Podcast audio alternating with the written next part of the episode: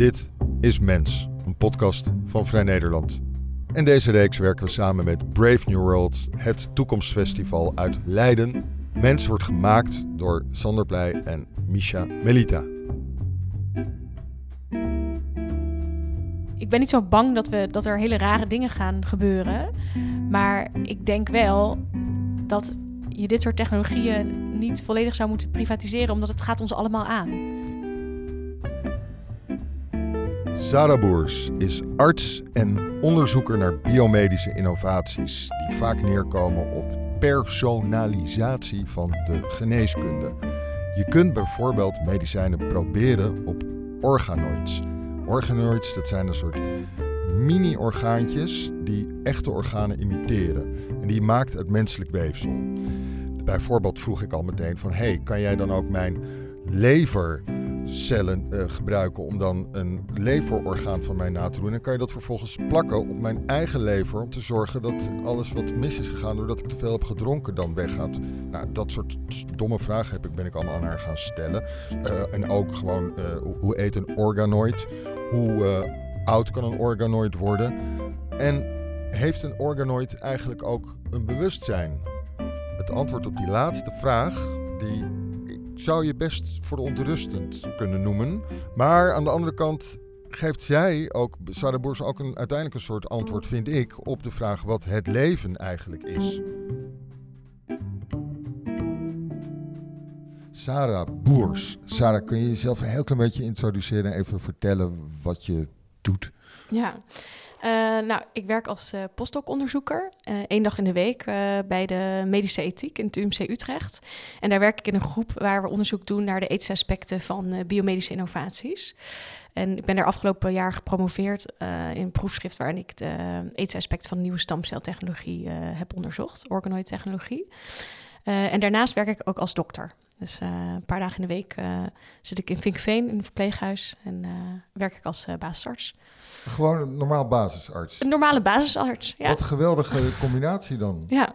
Dat lijkt me echt heel erg goed. Ja. Om, voedt dat elkaar ook?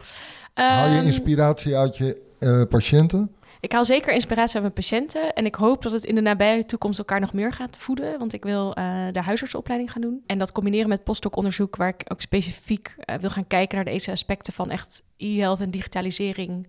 Onder andere van de eerste lijns zorg. Dus ik denk dat er dan nog meer kruisbestuiving plaats gaat vinden. Kun je nog één keer simpel zeggen wat e eerste lijnszorg is? Ja, dat is onder andere de huisartsenzorg. Dus uh, zeg maar, je tweede lijn, dat is echt het ziekenhuis, uh, de medisch specialisten. En de eerste lijn is de, uh, onder andere de huisartsen. Ja. En wat, wat wens je nu voor de patiënten die je, die je, die je nu tegenkomt? Wat, wat hoop je dat je binnen vijf jaar al voor hen kan gaan? Nou, niet jij pers persoonlijk meteen kan betekenen, maar wat er voor hen beter zal gaan? Nou, het is wel leuk, want vanmiddag uh, praat ik hierover met een groep uh, professionals. Uh, dat we echt gaan nadenken. Nou, we hebben de scope iets breder gezet de komende tien jaar. Van wat wensen we of hoe zien we goed gebruik van e-health in, eh, in de zorg? En we focussen ons vanmiddag wat specifieker op echt gebruik van kunstmatige intelligentie. Um, maar wat ik in ieder geval voor me zie is dat in ieder geval er echt op een meer zinvolle manier gebruik wordt gemaakt van de data die er allemaal beschikbaar is. Um, en zinvol bedoel ik uh, ja, dat we echt um, gepersonaliseerd behandeladvies kunnen geven, bijvoorbeeld, of gepersonaliseerde diagnostiek uh, kunnen doen. Uh, maar dat dat ook op zo'n manier gebeurt dat daar echt een bredere inbedding is geweest. Dat uh, niet alleen ontwikkelaars hebben meegedacht, maar inderdaad ook filosofen en kunstenaars en patiënten. Dat we ook heel erg nadenken over wat betekent dat nou, het gebruik van data in de zorg? Wat betekent die digitalisering nou? Ik heb echt een voorbeeld nodig nu. Ja, nou bijvoorbeeld um, wordt waar, wat nu ontwikkeld wordt, zijn klinische, uh, beslisonder, of klinische beslisondersteuningssystemen. In het Engels wordt wel Clinical Decision Support Systems genoemd. En het idee is eigenlijk dat grote hoeveelheden data gebruikt worden als input uh, via een algoritme om bijvoorbeeld heel specifiek uh, een diagnose bij jou te kunnen stellen. Of heel specifiek te kunnen zeggen: oké, deze behandeling voor kanker werkt wel bij jou, maar niet bij je buurman, bijvoorbeeld. En dat klinkt natuurlijk fantastisch, um, maar het brengt ook heel veel ethische vragen met zich mee en heel veel verschuivingen. Want als zo'n algoritme bepaalde uh, behandeloptie uh, de, maar zeggen, aangeeft dat is de voorkeur voor jou. Wat zijn dan de overwegingen geweest in dat algoritme? Is dat bijvoorbeeld op kosteneffectiviteit? Uh, of is dat op je leeft zo lang mogelijk? Of is dat op je kwaliteit van leven wordt, wordt beter? Um, en het lastige is aan algoritmes dat hoe slimmer het algoritme is, hoe minder transparant het algoritme ook is. Uh, dus je weet en niet zo goed wat er gebeurt in die wat soms black box gebeurt, terwijl er heel veel waarden in het oordeel zitten. Um, dus ik denk dat we onder andere moeten nadenken over: oké, hoe geven we een algoritme zo vorm dat we toch nog een beetje weten wat erin gebeurt, maar het tegelijkertijd ook zijn kracht kan gebruiken, dat het een slim algoritme is. En ook hoe kunnen we dat inbedden in dan bijvoorbeeld gezamenlijke besluitvorming tussen professionals en patiënten? Hoe kunnen professionals nog verantwoordelijkheid nemen voor het advies en hoe kunnen patiënten nog een autonome keuze maken? Dus meneer Nieboer komt uh, bij de dokter. De dokter die uh, maakt gebruik van de, de algoritmen, uh, allerlei nieuwe tests die er zijn gemaakt. meneer Nieboer komt een week later komt hij weer op consult en de dokter zegt: Oké, dit algoritme geeft aan dat de test op die manier resultaten aangeeft of de, oplevert. Daarvoor hebben wij verschillende behandelmethoden die er mogelijk zijn. Um, de cijfers leren mij dat je het beste uh, die kant op kan als je veel als je zo lang mogelijk wil leven. Maar als je de kwaliteit van leven juist belangrijker vindt, dan kun je beter het op zo'n manier doen. Moet, moet ik aan zoiets denken? Ja, dat, ik vind dat best een heel goede suggestie. Want wat je nu denk ik meer ziet, is wat wordt gezien als gepersonaliseer, gepersonaliseerde geneeskunde, vind ik nog niet zo gepersonaliseerd. Want het is vaak inderdaad um, meer bijvoorbeeld op individueel niveau risico berekenen of op individueel op één uh, uitkomstmaat inderdaad bedenken, oké, wat is voor jou de beste behandeling? Terwijl gepersonaliseerd zie ik meer als wat zijn jouw waarden en normen? En wat vind jij belangrijk? En hoe kan zo'n beslisondersteuning jou helpen om daarin een afweging te maken? Maar kun je ook he, ethische oordelen uh, of, of, of, waarden, kun je die ook al in die algoritme stoppen? Ja, zeker. Alleen, alleen al, um, nou ja, als je bijvoorbeeld kijkt, een algoritme leert op basis van de data waaraan het wordt blootgesteld. Um, dus ik denk dat al vanaf het begin van het maken van het algoritme en bedenk, als je bedenkt aan welke data ga je een algoritme blootstellen, daar zit al een normatieve afweging in. Want als je bijvoorbeeld um, over bepaalde groepen geen gezondheidsdata verzamelt, of weinig gezondheidsdata, dan krijg je al een enorme bias en mogelijke discriminatie, omdat je algoritme dan ook niet goed werkt voor die, uh, voor die groep. Ja. Um, en zo kan, je, kan het zijn dat de gezondheidsverschillen bijvoorbeeld groter worden. Dus alleen al op dat front. Dan vervolgens hoe je het algoritme vormgeeft. Dus inderdaad, um, hoeveel zelflerend, uh, zelflerende capaciteit heeft een, uh, heeft een algoritme? Of hoeveel controle heb je er nog, uh, er nog over? Ja. Daar zitten al allemaal normatieve afwegingen in. En ook wat voor afkappunten ga je inderdaad formuleren? Wat is ziek? Wat is gezond? Uh, wat maakt iets een goede behandeling of niet? Hoe kunnen we daarover nadenken? Hoe kunnen we daarover discussiëren? Nou ja, um, wat ik doe, of ik doe dan onderzoek bij de bioethiek. Um, en ik denk dat ethici onder andere een belangrijke rol in dit soort onderzoek hebben, omdat wij kunnen heel goed een brug slaan tussen verschillende disciplines. Dus dat, ik denk dat dat heel belangrijk is, dat je heel erg samen met alle belanghebbenden en iedereen die ermee te maken heeft, hier ook onderzoek naar doet en over nadenkt. Dus niet, oh, de data scientist die ontwerpt een algoritmetje en dan bedenkt de professional van, nou, ik wil het zo in mijn besluitvormingsondersteuning uh, hebben. Maar dat je gewoon echt vanaf het begin aan de ontwerptafel samen met ethici, met beleidsmakers, met data scientists, met professionals, met patiënten gaan denken, oké, wat willen we bereiken? Ja. En hoe gaan we dit samen vormgeven? Ja, in mijn hoofd gebeurt dus nu de uh, zorgverzekeraar die wil uh, kosten besparen door iets op een bepaalde manier te doen. Die uh, vraagt op het eind nog eventjes van, hey ethicus, kan dit? Uh, die zegt van nou, misschien maar, lijkt me toch maar niks. Nou, kan het dan ietsje afgezwakt? Uh, en die probeert het langs de ethische commissie te krijgen op het eind, nadat hij het zelf al heeft bedacht. Ja. En dan hebben we nog de politiek die een beetje toekijkt en naar gelang ze denken dat de publieke opinie op dit moment werkt, zegt van ja, het mag wel of niet. Dat is een beetje mijn uh, botte beeld ervan. Ja, nou, ja, ik denk dat deels het botte beeld nog klopt. dus dat is in ieder geval ook de traditionele manier van onderzoek doen. Is inderdaad dat onderzoekers of bedrijven een onderzoeksvoorstel schrijven. En dat gaat dan langs de medisch-ethische commissie. En het wordt wel of niet goedgekeurd. En dat is ook wel vaak de kritiek die ethici krijgen, ook uh, ethische onderzoekers, van uh, is een beetje mosterd na de maaltijd. Hè? Van de technologie is er al en dan gaan wij er nog eens even lekker een oordeel over vellen. En dat is eigenlijk niet zo zinvol, want je, je kan ook niet meer zoveel aanpassingen doen. Um, en gelukkig zie ik in ieder geval wel steeds meer de beweging. En dat is wel ook hoe wij heel erg uh, werken in onze onderzoeksgroep. Is wat we noemen ethisch parallelonderzoek.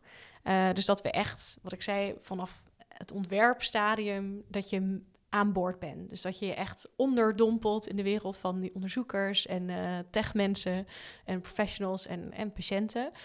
Uh, en dat je echt uh, vanaf een vroeg stadium mee gaat denken van oké, wat voor waarde zit er nou besloten in die technologie? Wat wil je eigenlijk bereiken? Waar streven we naartoe?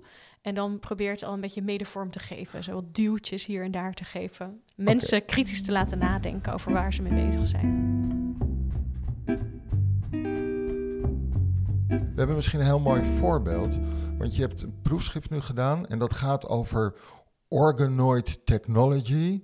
Kun, kun je dat nu in het Nederlands vertalen? Ja, nou ik noem het zelf nog steeds altijd organoid. In het Nederlands wordt het ook wel organoïde genoemd. Dat is natuurlijk gewoon hetzelfde. Um, en dat is een stamceltechnologie uh, waarmee het mogelijk is geworden om uit uh, ja, verschillende stukjes menselijk weefsel, uh, om daar stamcellen uit te isoleren en dan in het laboratorium ja, een soort mini-orgaantjes te groeien. organoids in kweekschaaltjes. Wat voor? Bijvoorbeeld mini-levers of mini-darmen en zelfs ook mini-hersenen. En is er al wat van gelukt? Ja. ja, en het klinkt natuurlijk heel zo science fiction-like. Eh, en je moet het zo voor je zien dat het zijn geen hele organen, maar het zijn een soort orgaanachtige structuren die ook maar een paar millimeter groot zijn. Um, maar die wel echt de basale functies uh, en ook de structuur van het orgaan nabootsen. En het mooie daaraan is, is dat je ook een heel, uit een heel klein beetje menselijk weefsel eigenlijk oneindig veel van die organoids kan kweken. Want ze zijn ja, onsterfelijk. Dus ze blijven zeg maar delen en vermenigvuldigen. Um, en het is ook een hele uh, trouwe nabootsing van uh, het lichaam van de patiënt in het lab. Als je het in ieder geval uit materiaal van patiënten maakt. Omdat het precies hetzelfde genetische materiaal bevat. En ook echt uh, bijvoorbeeld een ziekte in het lab nabootst. En waarom maak je ze?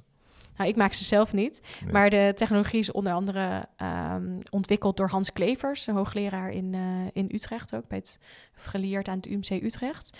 Um, en uh, het is ook pas een paar jaar uh, oud. Um, en sindsdien is het echt booming, is de technologie enorm voortvarend. En wat er heel gaaf aan is, is dat je Ehm, met die mini-orgaantjes of organoids in het laboratorium echt ziek, uh, onderzoek kan doen naar uh, bepaalde ziektes, zoals kanker of tijslijmziekte.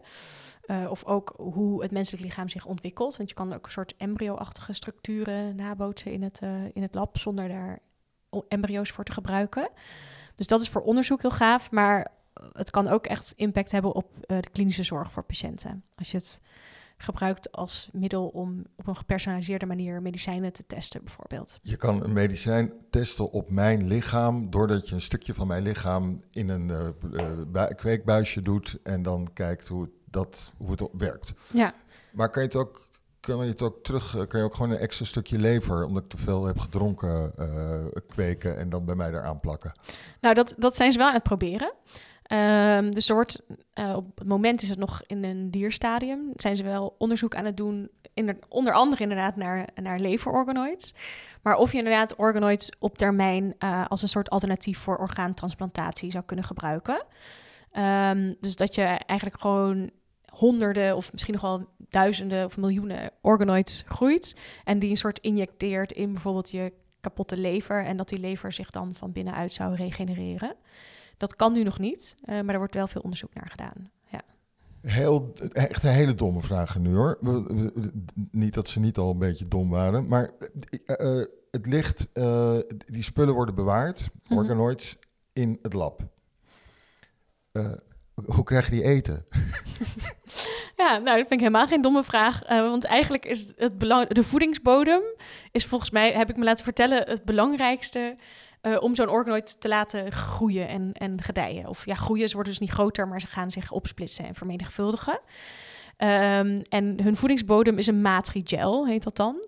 En daar zitten allemaal verschillende eiwitten in en er worden groeifactoren bij gedaan. En daar, daar gaan die organoids lekker op. en um, ze worden niet bewaard, het lange termijn bewaren, want ze kunnen eigenlijk eeuwig bewaard worden in principe. Ze zijn onsterfelijk. Ja, zijn onsterfelijk als je ze invriest. Dus je bewaart ze niet in het lab. In het lab kan je ze gebruiken om inderdaad nog wat verder te kweken en er allemaal testjes mee te doen. Uh, maar je slaat ze op in ja, wat dan een biobank uh, genoemd wordt. En dat is eigenlijk gewoon een hele grote vriezer. Ik weet niet hoe koud ze het maken, maar uh, waarin ja, je die organoids in een petrischaaltje kan invriezen. En dan kan je ze op een gegeven moment weer ontdooien. En dan kunnen ze weer opnieuw gaan delen en vermenigvuldigen. En als je, dat, als je ze niet invriest, dan worden ze, blijven ze delen en blijven ze doorgaan. Ja. Dat is dus leven. het leven is delen om verder te komen. Nou ja, dat zou een definitie van leven kunnen zijn. Leven is delen. Vind jij? Nou ja, dat, dat, dat, als het niet zouden delen, zouden ze niet verder gaan. Nee, het wordt ook wel een vorm van levend weefsel genoemd. En zo'n biobank wordt dan ook wel een, een living biobank genoemd. Ja. Oké, dus het is wel interessant hè, dat ze, dus, dus ze zijn sterfelijk als je ze niet te eten geeft. Um, maar als je ze wel te eten geeft, blijven ze voor altijd leven. Ja. Oké. Ehm, volgens mij heb jij ook een, een, een, eh, een, nagedacht over wat de de waarde is, of, of, of het nou dingen zijn of wezens zijn. Um, ik geloof dat je het had over hybriden. Kun je daar iets over vertellen? Ja, nou ja, een van de eerste dingen die me eigenlijk fascineerde toen ik uh, onderzoek ging doen naar de ethische aspecten van deze technologie. Want het staat nu sinds een paar jaar. En toen ik begon met mijn proefschrift was er nog niks over de ethiek uh, geschreven. Dus het was nog helemaal uh, onontdekt uh, gebied, zo gezegd. Um, want wat me opviel was dat er ook best wel veel commerciële belangen waren in organoid technologie. Dus ook niet in Nederland, maar op andere plekken wel ook commerciële biobanken bijvoorbeeld. Maar wel ook commerciële bedrijven die in ieder geval interesse hebben in het gebruik daarvan. Om bijvoorbeeld nieuwe medicijnen te ontwikkelen uh, met behulp van organoids. Dat is de enige commerciële toepassing die ik me nu kan voorstellen. Of, of, of, had je ook al andere gezien? Nou ja, bijvoorbeeld wel dat je op een ehm, semi-commerciële manier organoids distribueert. Dus er zijn genoeg partijen in de wereld die interesse hebben om een batch organoids te kopen, zal maar zeggen, voor hun lab. Dus dat je een commerciële biobank opzet uh, waarin op een professionele manier uh, organoids verspreid worden. Dat zette voor mij heel erg de vraag op scherp van ja, wat, wat zijn die organoids nou eigenlijk van een, uit een moreel oogpunt? Want ja. uh, maar zeggen, in het nadenken, of, ik was aan het lezen daarover en eigenlijk is het taboe om op in ieder geval op een directe manier geld te verdienen aan menselijk weefsel omdat het van het menselijk lichaam afkomstig is. En we vinden dat de mens intrinsieke morele waarde heeft. Dus dat betekent dat je jezelf en je lichaam niet zomaar als instrument voor andere doeleinden mag gebruiken, maar dat je waarde hebt in jezelf. Je hebt ook human, menselijke rechten. Voor, maar in ieder geval is dat, dat heet dan het non-commercialisatieprincipe. Dus dat je geen direct geld mag verdienen aan, lichaamsmateriaal. Dat is heel, uh, heel dominant. Uh, in, zeggen, wet en regelgeving, maar ook in uh, ethische debatten en dergelijke. Um, en dat zie je ook in bijvoorbeeld doneren van bloed. Hè, daar krijgen we geen geld voor. En als je een orgaan do doneert, wordt ook verwacht dat dat een altruïstische donatie is. En je krijgt daar niet dik voor betaald. Maar dat deed me erover nadenken van, ja, wat zijn want op een indirecte manier wordt wel geld verdiend aan organoids, maar niet door de donor, maar alleen door bijvoorbeeld onderzoekers of uh, bedrijven. En dat zette voor mij heel erg de vraag op scherp van wat zijn nou eigenlijk die organoids vanuit een moreel oogpunt? Want voor mijn gevoel, intuïtief hingen ze een beetje tussen de categorie van persoon en ding in. Het is wel gemaakt uit lichaams materiaal, maar het is niet dat je een persoon kweekt in een petrischaaltje. Maar het is ook niet volledig een ding, zoals je tafel of je stoel, wat niks menselijks in zich heeft. En hoe meer ik onderzoek deed, dacht ik, we moeten ook niet proberen ze in te delen in zo'n categorie. We moeten die ambiguïteit omarmen. En ik vond het concept van hybrides daarvoor heel mooi. Nou, we kennen natuurlijk allemaal wel de hybride auto.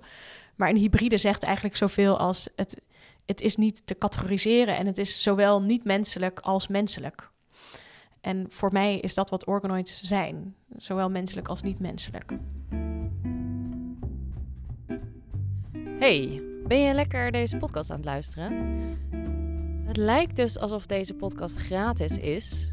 En dat is ook zo. Uh, maar er zit wel heel veel tijd en liefde in. En we zouden het daarom ook heel fijn vinden, of eigenlijk ja, moet je dit gewoon even doen.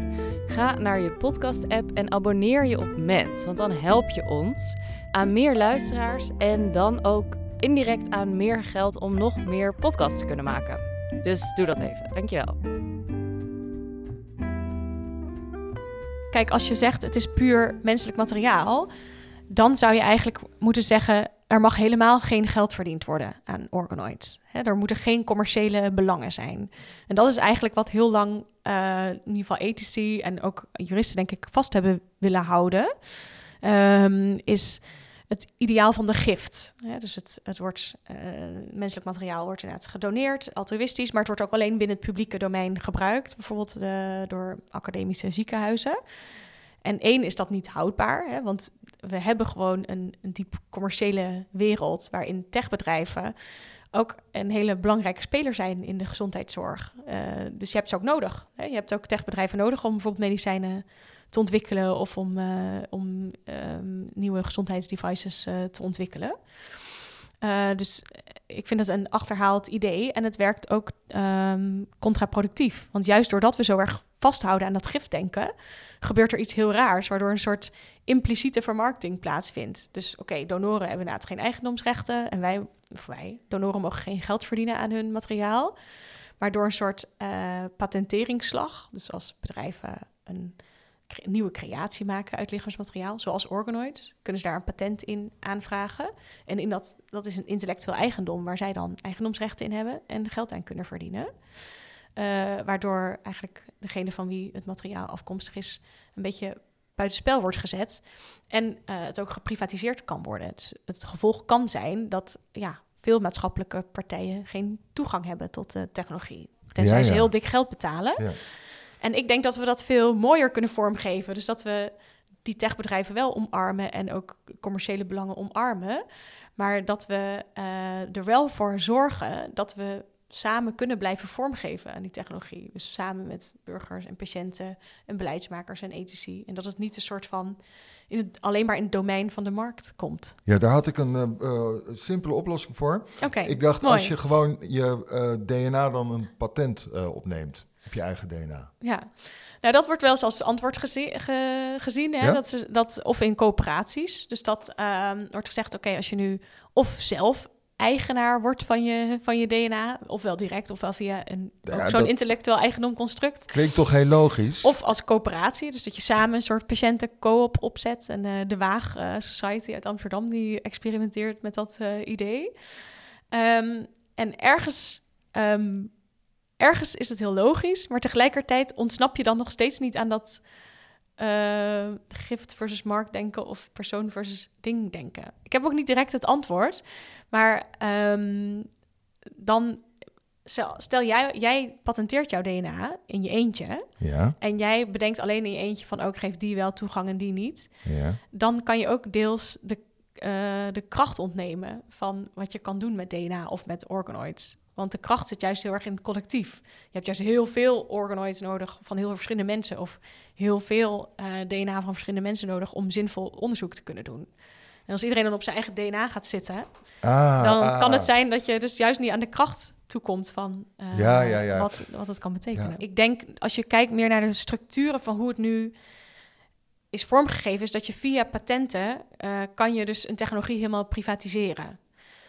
En ik denk wat veel mooier zou zijn, is als je ervoor zorgt dat er altijd een link blijven staan ook met de publieke sector. Bijvoorbeeld dat uh, op maatschappelijk niveau, uh, als je een technologie ontwikkelt en daar uh, volgen baten uit, dat die bijvoorbeeld weer geherinvesteerd kunnen worden in het onderzoek of in het onderhouden van een biobank. Ja. Dus dat is op maatschappelijk niveau. Op kleiner niveau, bijvoorbeeld op groepsniveau van patiënten. Stel, je hebt, nou, hoeveel Thijs-slijmziektepatiënten zijn er in Nederland? 1500. Als zij allemaal bijdragen aan een biobank, specifiek voor onderzoek naar Thijs-slijmziekte. En ze kunnen dan vervolgens uh, de medicijnen die ontwikkeld worden, die zijn heel duur, niet betalen. Dat, dat is heel scheef. Hè? Dan, dan heb je ook geen wederkerigheid. Dus ergens zou je bijvoorbeeld voor kunnen zorgen dat zij wel toegang krijgen tot de medicijnen die ontwikkeld worden, onder andere door gebruik van hun organoids. Ja. En op het niveau van het individu zou je kunnen zeggen, nou, op zijn minst moet jij kunnen horen wat er met je organoids gebeurt, zodat je ook een soort gevoel van bijdrage hebt. Ehm, en als er bijvoorbeeld relevante bevindingen zijn, hè, dus er wordt bijvoorbeeld een medicijn gevonden wat voor jou kan werken, of um, er wordt een gevoeligheid voor een bepaalde ziekte gevonden, dat als je dat wil weten, dat dat in ieder geval aan jou teruggekoppeld uh, wordt. Ja. Dus het zijn een paar voorbeelden. Waar, moet, waar moeten dit soort dingen, waar moet de macht liggen? Waar moeten dit soort dingen worden ge georganiseerd? Moet dat liggen bij, bij, bij het ministerie? Moet dat, of, of eerder bij de ziekenhuizen zelf? Nou, dat is een heel lastige vraag. En het lastige juist bij die... Um, want zoals organoids, zoals ik al zei, zijn onsterfelijk. Ze kunnen, ook, ze kunnen en worden ook wereldwijd verspreid. Ja. Dus je hebt enorme netwerken van uitwisseling, waarbij het natuurlijk heel lastig is je hebt ook allemaal een soort centrumpjes van macht, maar je gaat nooit één overkoepelend centrum van macht hebben wat toezicht kan houden op alles. Want ja, dat bestaat niet. Um, dus ik denk dat je de macht moet distribueren op een goede en gezonde manier. Um, en hoe dat precies moet, is natuurlijk een vreselijk lastige vraag. Ik denk in ieder geval in Nederland op overheidsniveau dat er wel een zekere kadering uh, moet komen. Ja. En er is een uh, wetzeggenschaps al heel lang in de maak. Daar is uh, een paar jaar geleden weer een nieuw voorstel voor gekomen. En um, nou, toen was er een soort open call voor uh, reacties. En die zijn ze nu allemaal aan het, uh, aan het verwerken.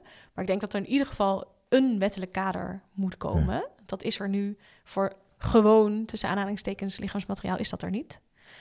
Um, en daarnaast hebben um, ja, wel ziekenhuizen, onderzoekers en ook biobanken een heel belangrijke rol die ze in ieder geval moeten vervullen. Ja. Je zit nu eigenlijk met, met veel kennis en heel geïnspireerd mij te vertellen op een hele duidelijke manier wat, er, wat je wil dat er gaat gebeuren en hoe je hoopt dat het gaat gebeuren.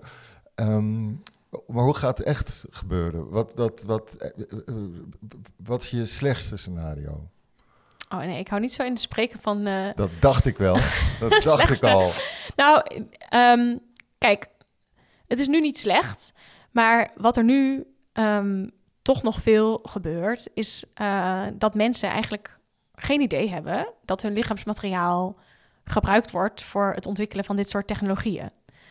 Want met de huidige technologie kan je gewoon uit elk tissue, uit elk weefselsample en uit elke huidcel, kan je van dit soort complexe producten als organoids maken. Ja.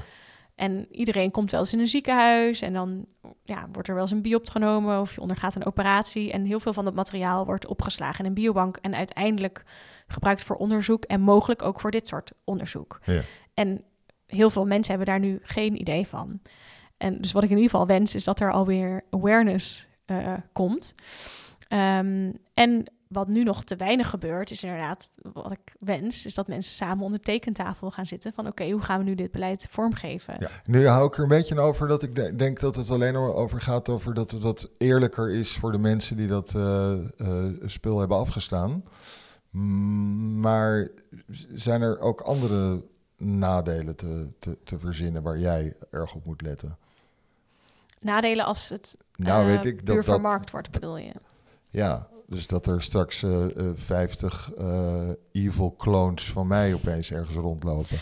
Dat is natuurlijk vaak wel de angst, of een beetje dat soort dystopische beelden van. Uh, ja, dat laat mensen een beetje ja, ja, ja, ja, ja, wat je uh, natuurlijk, wat mensen ook in interviews vaak zeggen: oh, maar wat als ze gaan klonen? Of dat is ja. natuurlijk uit alle science fiction novels. Kijk, het is natuurlijk een vorm van klonen, want het is reproductie van menselijk DNA. En wat wel, dus ja, er wordt nu wel, er worden wel echt mogelijk sensitieve organoids gemaakt. Ze zijn nu bijvoorbeeld bezig met uh, breinorganoids. En ehm, daar is al een vorm van een soort prikkelverwerking gezien in breinorganoids. Um, wat natuurlijk vragen oproept van oké, als je daar veel meer mee verder gaat, hè, wat als je echt een soort zintuigelijke waarneming krijgt in breinorganoids, kunnen ze dan ook een soort vorm van bewustzijn krijgen bijvoorbeeld. Dus daar is nu echt wel veel over te doen. En ook uh, ja, hoe complexe breinorganoids mag je nou eigenlijk maken als onderzoeker. Dus in die zin kunnen er als je toch een beetje eng wil denken, kunnen er echt wel freaky dingen gemaakt worden uit je, uit je lichaamsmateriaal. Ja, Oké, nou, ehm, heel erg bedankt. En ehm, op de een of andere manier wil ik je over drie jaar weer een keertje spreken. Want volgens mij is dit zo'n ontzettend in ontwikkeling, dit vakgebied. En zijn jullie zo. Je vertelt net dat die wet nu nog moet gaan komen.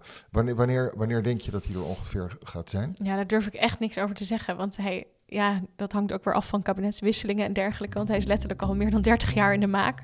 Dus ik hoop wel dat hij de komende vijf jaar er gaat komen. Ja. Maar ik, ja, daarvoor uh, moet je denk ik echt uh, bij andere mensen zijn. Oké, die gaan we ook aan de tand voelen. Ja. Nou, heel erg dankjewel.